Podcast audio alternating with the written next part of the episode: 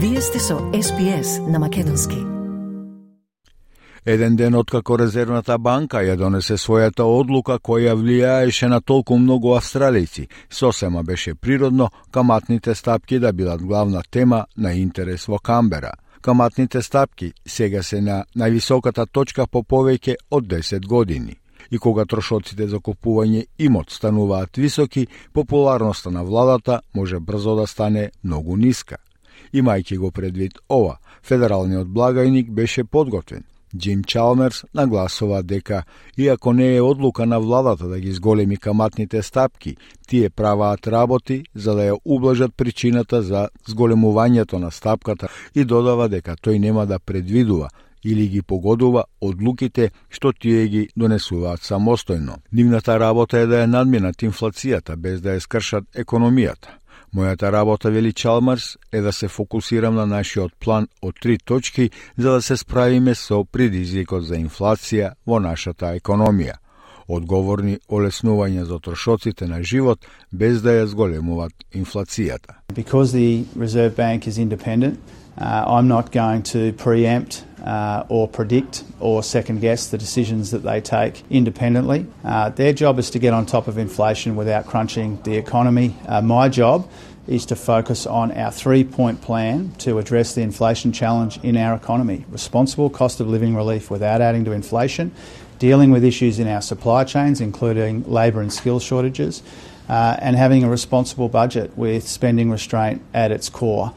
Напорите на доктор Чалмер се поддржани од неговиот предпоставен, премиерот Ентони Албанези, кој ги отфрли повиците на зелените да го разреши гувернерот на Резервната банка Филип Лоу.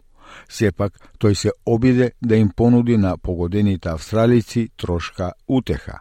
Господин Албанези истакнува дека многумина велат дека глобалната инфлацијска криза која доведе досега до 9 последователни покачувања на каматните стапки, сега е поблиску до својот крај отколку до почетокот.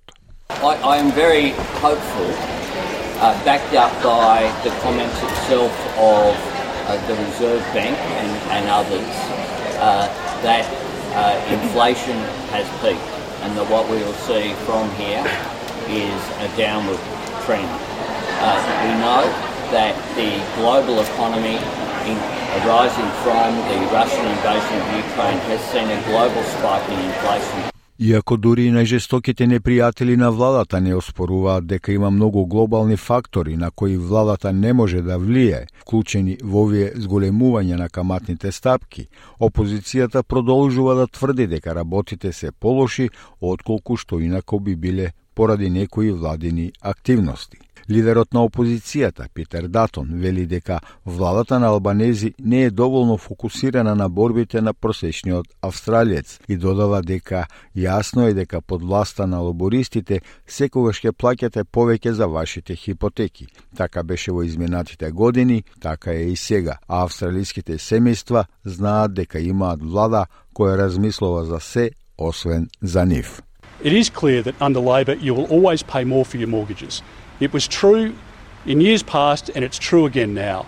The government's making decisions, including in relation to industrial relations, which is putting upward pressure uh, on interest rates. And Australian families know that they've got a government that is thinking about everything but them.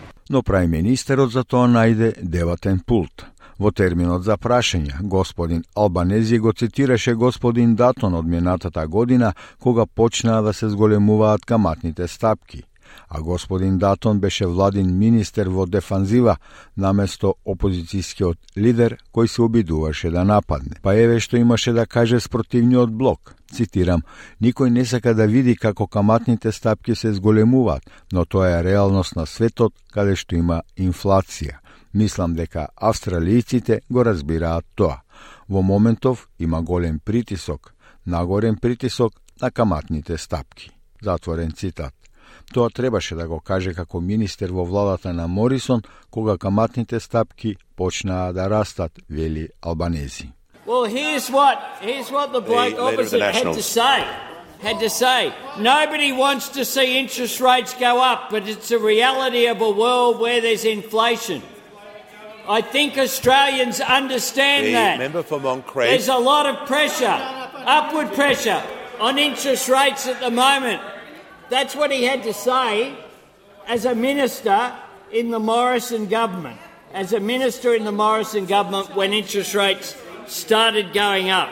Иако тој не отстапуваше ништо за каматните стапки, господин Албанези направи отстапка за барањата на опозицијата за еден аспект од референдумот глас кон парламентот.